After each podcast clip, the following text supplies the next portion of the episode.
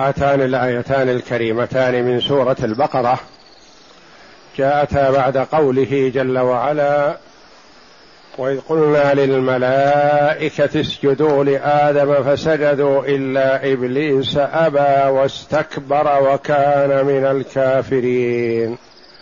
وقلنا يا آدم اسكن أنت وزوجك الجنة. الآيتين. الله جل وعلا يخبر بما امتن به على آدم على نبينا وعليه أفضل الصلاة والسلام أنه قال له يا آدم أسكن أنت وزوجك الجنة. السكن بمعنى الإقامة والاستقرار والسكون والراحة فيها. وزوجك اسكن أنت وزوجك الجنة. والمراد بزوجك حواء والفصيح أن يقال زوج للمرأة فيقال مثلا عائشة زوج محمد صلى الله عليه وسلم. ويقال للرجل زوج فيقال علي زوج فاطمة رضي الله عنهما. فلفظ زوج للذكر والأنثى. وقد يأتي زوجة في غير الفرائض وأما في الفرائض فلا بد أن يقال زوجة ليميز بين الذكر والأنثى. في غير الفرائض يأتي زوجة. كما قال النبي صلى الله عليه وسلم لما مر به أحد الصحابة ومعه إحدى أمهات المؤمنين قال لا يا فلان إنها زوجتي فلانة. والنبي صلى الله عليه وسلم أراد أن يعلم الأمة ويبين للأمة أنه ينبغي للإنسان أن لا يوقع نفسه في مواقع التهم حتى وإن كان يستبعد.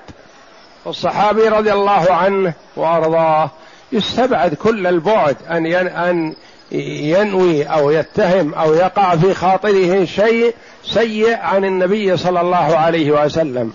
لكنه أراد عليه الصلاة والسلام أن يبين للأمة. اسكن أنت. فإذا عطف على الضمير المستكن فيحسن أن يؤكد بالضمير الظاهر. يصح أن يقال اسكن وزوجك. معطوفه على الضمير في اسكن أي أنت أيها المخاطب. لكن تأكيده بالضمير المنفصل اولى ليعطف عليه. اسكن أنت وزوجك الجنة. أمرهم الله جل وعلا أن يسكنا الجنة. وما المراد بهذه الجنة؟ أقوال للمفسرين رحمهم الله.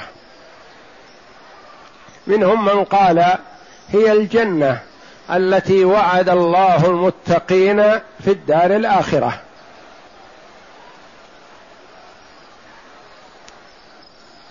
ومنهم من قال هي غيرها.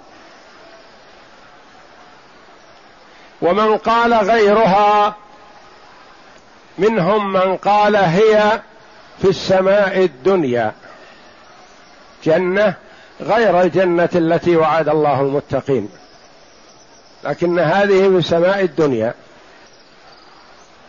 وقيل هي جنة في الأرض. أراد الله جل وعلا امتحان آدم فيها. هي في الأرض. ثم اختلفوا في مكانها على أقوال. ومن من قال ومن قال إنها في السماء أخذ ذلك من قوله جل وعلا فأخرجهما مما كانا فيه وقلنا اهبطوا بعضكم لبعض عدو. قال الهبوط يكون من أعلى لأدنى. قال الآخرون ليس في هذا دليل لأن الهبوط بمعنى النزول بمعنى الانتقال من مكان إلى مكان. اهبطوا مصرا فإن لكم ما سألتم ما جاءوا من فوق وإنما من مكان إلى مكان.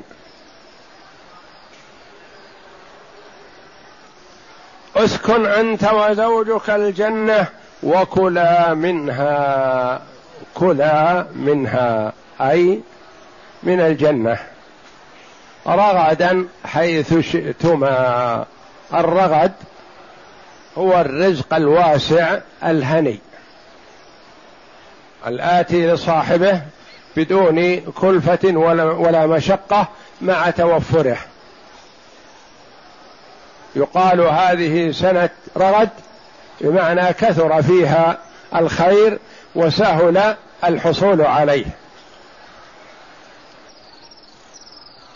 وكلا منها رغدا حيث شئتما.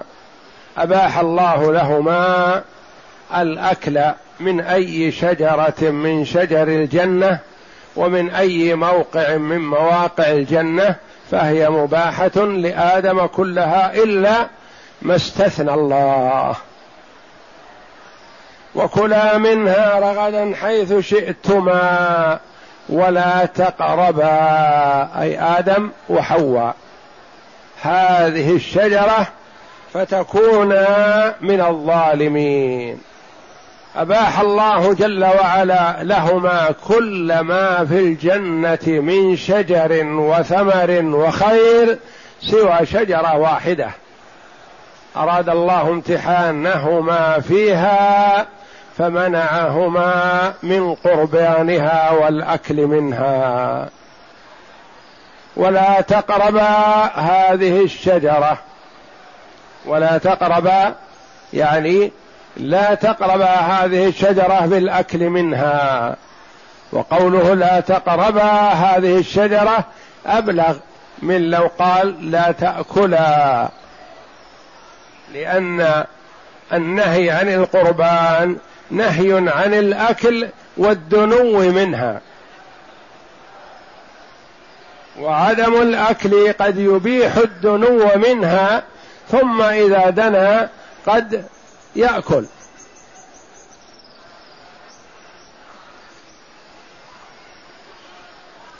ولا تقربا هذه الشجرة. والله جل وعلا قال ولا تقربوا الزنا إنه كان فاحشة وساء سبيلا. لا تقربوا الزنا يعني لا تقعوا فيه ولا تقربوا حوله. لا تأتوا ما يقرب منه من النظر والخلوة واللمس والقبلة وغير ذلك مما حرم الله. ولا تقربا هذه الشجرة شجرة واحدة. والشجر هو النبات الذي له ساق. فإذا لم يكن له ساق فلا يقال له لها شجرة. وما المراد بهذه الشجرة؟ قيل هي شجرة الكرم يعني شجرة العنب. وقيل شجرة السنبلة. وقيل الحنطة. وقيل النخلة. وقيل التين. أقوال كثيرة. قال بعض المفسرين لا حاجة إلى معرفتها لأن الله جل وعلا نهى آدم عن قربان هذه الشجرة أيا كانت الشجرة. والعلم بها لا يكسب المرء زيادة علم يحمد عليه كما أن الجهل لا يكسب المرء شيئا يذم عليه. فالعلم بها وعدم العلم بها والله أعلم سواء لأن الله جل وعلا ما كلفنا بذلك. مثل من تكلف بعصا موسى من أي شجرة قالوا من كذا قالوا من كذا قالوا من كذا وما أي شجرة كانت لا يكون لها خاصية إلا بأمر الله جل وعلا. وكذلك هذه الشجرة التي نهي آدم عنها نهاه الله جل وعلا نهي امتحان وحرمها عليه. ولا تقربا هذه الشجرة فتكونا. من الظالمين. من الظالمين يعني ممن ظلم نفسه. فالله جل وعلا لا تضيره ولا تنقصه معصية العاصي. وإنما معصية العاصي تعود إلى نفسه. فمن عصى فقد ظلم نفسه. يعني جعل نفسه تستحق العقوبة وبإمكانه أن ينجيها من هذه العقوبة فهو ظلمها. وكما تقدم لنا أكثر من مرة بأن الظلم أنواع يطلق على الشرك الذي هو أعظم الذنوب ظلم. ويطلق على أي معصية وإن صغرت يقال ظلم المرء نفسه. ويطلق كذلك على ما دون المعصية حتى لو لم يكن معصية إذا كان خلاف الأولى. فيقال ظلم نفسه. يعني إذا كان بإمكان الإنسان أن ينال ثوابا عظيما فاقتصر دونه وأخذ ما دونه. فقد ظلم نفسه لأنه حرمها من الثواب العظيم الذي ممكن أن تأخذه فجعلها تأخذ ما دون ذلك. ويحمل على هذا والله أعلم. قول النبي صلى الله عليه وسلم لأبي بكر الصديق رضي الله عنه لما قال له علمني دعاء أدعو به وفي رواية في صلاتي قال قل رب إني ظلمت نفسي ظلما كثيرا. ولا يغفر الذنوب إلا أنت فاغفر لي مغفرة من عندك وارحمني إنك أنت الغفور الرحيم. فالنبي صلى الله عليه وسلم يعلم أبا بكر الصديق رضي الله عنه الذي هو أفضل الأمة بعد نبيها يقول رب إني ظلمت نفسي ظلما كثيرا. فتكون من الظالمين.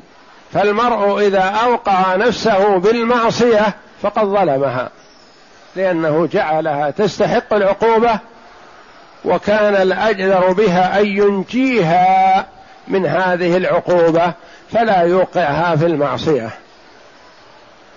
فتكون من الظالمين.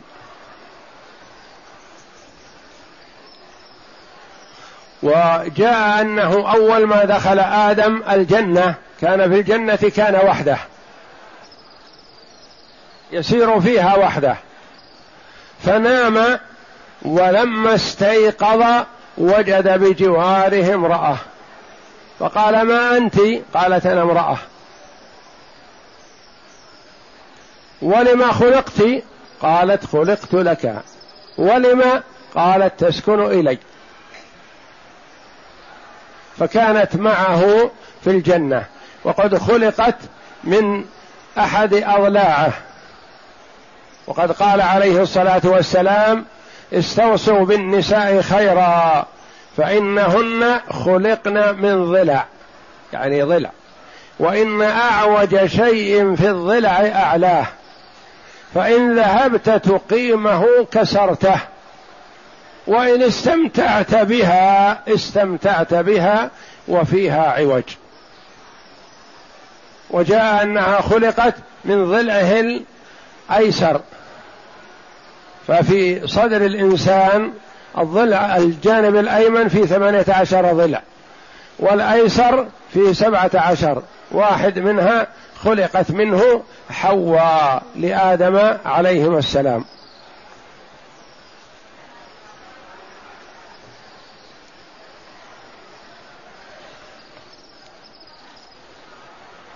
اقرأ. يبين الله تعالى إخبارا عما أكرم به آدم عليه السلام بعد أن أمر الملائكة بالسجود له فسجدوا إلا إبليس أنه أنه أباحه الجنة يسكن منها حيث شاء ويأكل منها ما شاء رغدا أي هنيئا واسعا طيبا. وقد اختلف في الجنة التي أسكنها آدم. هي في السماء أم في الأرض؟ فالأكثرون على الأول أنها في السماء. وحكى القرطبي عن المعتزلة والقدرية القول بأنها في الأرض وسيأتي تقرير ذلك في سورة الأعراف إن شاء الله. وسياق الآية يعني كونها في الأرض أقرب والله أعلم لأنه لو كان آد لأن آدم خلق في الأرض. ولو كان آدم صعد به إلى السماء لم تن الله جل وعلا بذلك على عباده صراحة برفعه إلى السماء وجعله مع الملائكة. نعم. وسياق الآية يقتضي أن حواء خلقت قبل آدم قبل دخول آدم الجنة ويقال إن خلق حواء كان بعد دخول الجنة كما قال السدي في تفسير في خبر ذكره عن ابن عباس وعن ناس من الصحابة أخرج إبليس من الجنة وأسكن آدم الجنة فكان يمشي فيها وحيدا ليس له زوج يسكن إليه فنام نومة فاستيقظ وعند رأسه امرأة قاعدة خلقها الله من ضلع من ضلعه فسأل فسألها ما أنت؟ قالت امرأة قال ولما خلقت؟ قالت لتسكن إلي. قالت له الملائكة ينظرون ما بلغ من علمه ما اسمها يا آدم؟ قال حواء. قالوا ولم حواء؟ قال إنها خلقت من شيء حي. كأن الملائكة أرادوا اختباره هل يعرف اسمها أو لا؟ قالوا ما اسمها يا آدم؟ قال حواء. قالوا ولم؟ سمى حواء. قال لأنها خلقت من شيء حي فهي خلقت منه عليه السلام. والله جل وعلا يقول وعلم آدم الأسماء كلها وحواء ضمن هذه. نعم. وهي مما علمه الله جل وعلا إياها وإن كان قبل أن يخلقها. نعم. وأما قوله تعالى ولا تقربا هذه الشجرة فهو اختبار من الله تعالى وامتحان لآدم وقد اختلف في هذه الشجرة ما هي؟ فقال السدي عن ابن عباس الشجرة, الشجرة التي نهي عنها آدم عليه السلام هي الكرم وتزعم اليهود أنها الحنطة. وقال ابن جرير عن ابن عباس الشجرة التي نهي عنها آدم هي السنبلة. وقال ابن جرير بسنده حدثني رجل من بني تميم أن ابن عباس كتب إلى أبي الجلد يسأله عن الشجرة التي أكل منها آدم والشجرة التي تاب عنها آدم فكتب إليه سألتني عن الشجرة التي نهى نهي عنها آدم وهي السنبلة وسألتني عن الشجرة التي تاب عن عندها آدم وهي الزيتونة. وقال سفيان الثوري عن, عن أبي مالك ولا تقرب هذه الشجرة النخلة. وقال ابن جرير هي التينة. قال الإمام العلامة أبو جعفر بن جرير رحمه الله والصواب في ذلك أن يقال إن الله عز وجل نهى آدم وزوجته عن أكل شجرة بعينها من أشجار الجنة دون سائر أشجارها فأكلا منها ولا علم عندنا بأي شجرة كانت على التعيين لأن الله لم يضع لعباده دليلا على ذلك في القرآن ولا من السنة الصحيحة. فأزلهما الشيطان عنها فأخرجهما مما كانا فيه. فأزلهما قال بعض المفسرين بمعنى الزلل أي جعلهما الشيطان يزلان ويخطئان ويقعان في الزلل بسبب هذه الشجرة. وقيل المعنى فأزالهما يعني أن أزالهما عن الجنة أزالهما الشيطان عن الجنة. يعني كان سببا في خروجهم من الجنة بما ألقى في نفوسهم. وجاء أن الشيطان يحاول آدم بأن يأكل من هذه الشجرة فيأبى. فبدأ بحواء فأكلت. فقالت لآدم يا آدم كل منها فقد أكلت فلم تضر. فأكل آدم فبدت كما قال الله جل وعلا فبدت لهما سوآتهما وطفقا يخصفان عليهما من ورق الجنة. فالشيطان بدأ بآدم فلم يستجب له ثم بدأ بحواء فأكلت. فعرضت على آدم أن يأكل. فأكل فحصلت العقوبة. فأزلهما الشيطان عنها.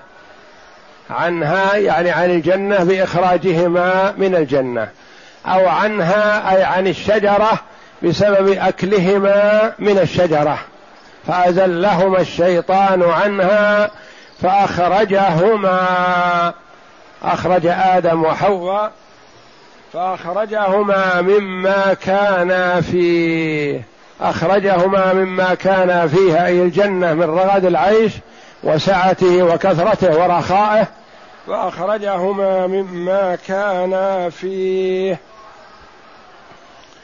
وقلنا اهبطوا بعضكم لبعض عدو ولكم في الأرض مستقر ومتاع إلى حين. وقلنا اهبطوا آدم وحواء وإبليس والحية. وجاء عن النبي صلى الله عليه وسلم الحث على قتل الحيات. وقال إننا ما اصطلحنا معها منذ تنازعنا أو اختلفنا في أول الأمر. كان خلافها وجاء أنها هي التي تسببت في إدخال إبليس إلى آدم. حملت إبليس في فمها أدخلته إلى آدم وحواء. واختلف المفسرون رحمهم الله في كيفية اذلال إبليس لآدم وحواء. أو عن طريق المشافهة. إذا كان عن طريق المشافهة قالوا كيف دخل الجنة بعدما أخرج منها؟ قالوا يدخلها لا على سبيل الاستقرار وإنما على سبيل السرقة والاختلاس. وقيل ما دخلها وإنما أزلهما بالوسوسة. وفي قوله تعالى وقاسمهما إني لكما لمن الناصحين. هذا يقوي قول من قال بالمشافهة. إن المقاسمه القسم والتأكيد يكون وجها لوجه. فأخرجهما مما كانا فيه وقلنا اهبطوا بعضكم لبعض عدو.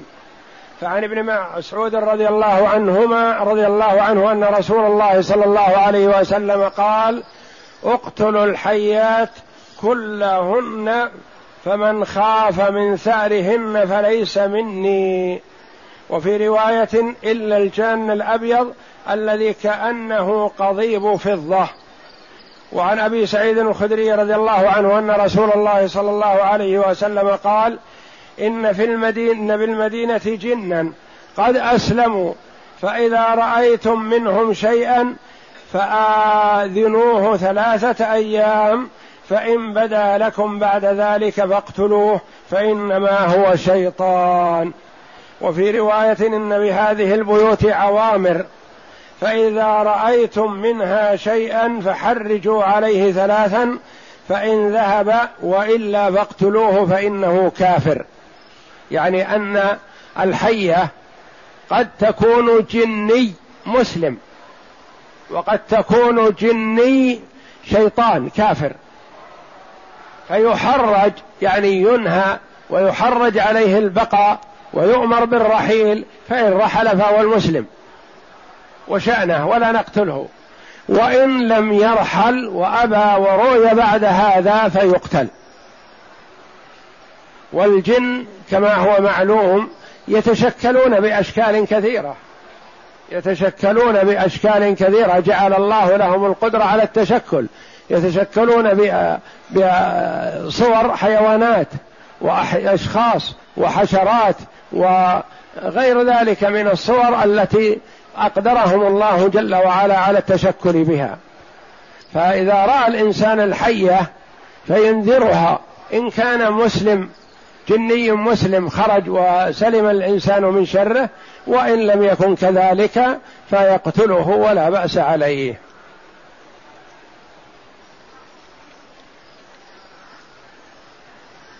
وقلنا اهبطوا بعضكم لبعض عدو ولكم في الأرض مستقر يعني تستقرون فيها. ومتاع إلى حين. متاع متعة تستمتعون بما جعل الله لكم في الدنيا من الخيرات والملذات إلى وقت. ما هذا الوقت؟ قيل المراد إلى حين يعني وقت انتهاء الدنيا وقيل إلى حين إلى وقت انتهاء آجالكم. تستمتع بها بما في الدنيا إلى وقت انتهاء الأجل. ولكم في الأرض مستقر ومتاع إلى حين. اقرأ.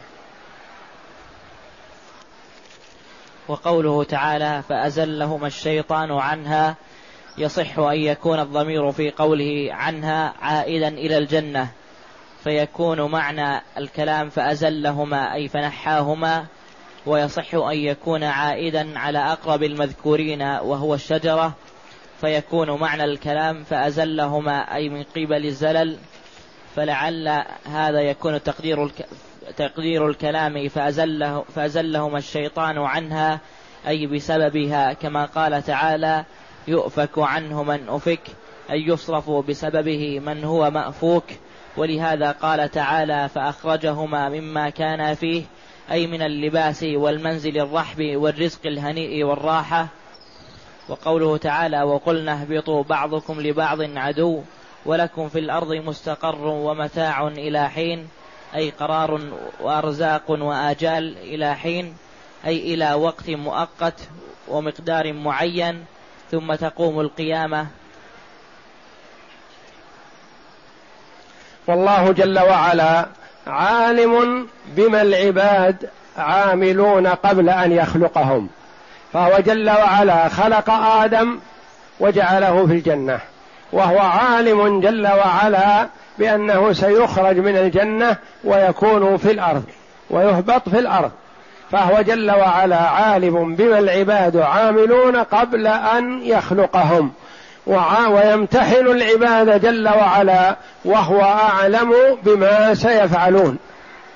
فهو جل وعلا يمتحنهم لا لأجل أن يظهر له علم لم يكن عنده سبحانه وإنما يمتحنهم ليستحقون بهذا الامتحان الثواب والعقاب. لأن الله جل وعلا لا يمتحن لا يعذب العباد بما لم يعملوا بموجب علمه سبحانه وتعالى وإنما يعذبهم بأعمالهم ويثيبهم ويجزيهم الخير بأعمالهم. وهو جل وعلا عالم بما هم عاملون قبل أن يخلقهم. ولذا قال جل وعلا للملائكة إني جاعل في الأرض خليفة. والله أعلم. وصلى الله وسلم وبارك على عبده ورسول نبينا محمد وعلى آله وصحبه أجمعين.